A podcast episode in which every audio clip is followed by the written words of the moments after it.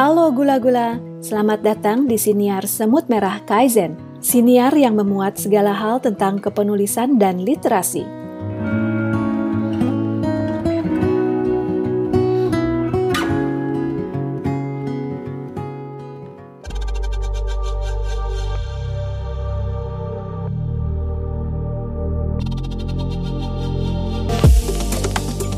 Hai, gula-gula pernah menulis jurnal?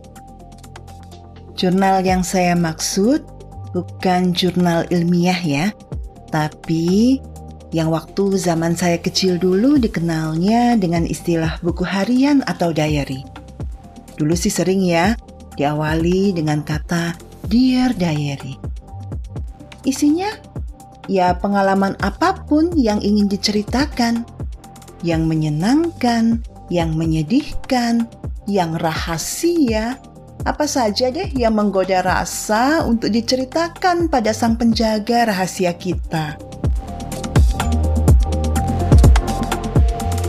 Tapi, meskipun ini catatan harian, dituliskan dari pengalaman pribadi dan biasanya untuk diri sendiri, ternyata manfaatnya besar sekali dalam melatih kemampuan menulis kita loh.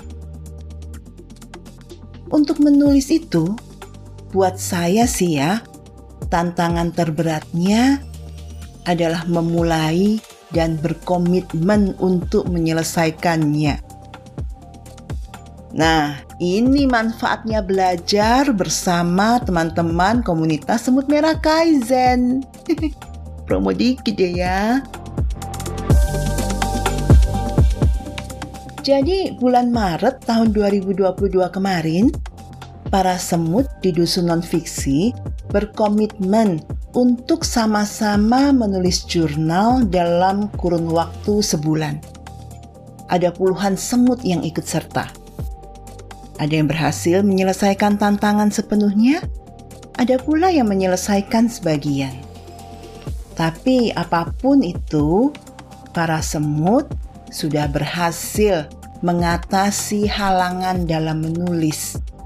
Tentunya halangan dari dalam diri, halangan rasa malas, halangan takut tulisannya dianggap jelek, halangan rasa sok perfeksionis yang akhirnya menghambat, dan macam-macam dah. Nah, tema yang kita ambil adalah sebulan inspirasi. Di minggu pertama, Subtema yang diambil adalah Random Act of Kindness.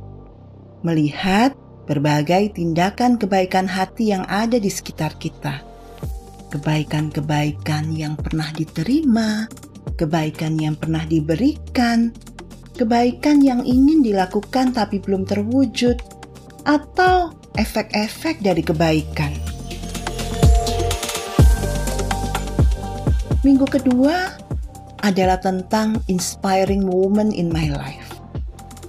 Berkisah tentang para perempuan di sekitar kita yang membuat bangkit, yang sangat diingat, yang sangat berkesan dan berpengaruh.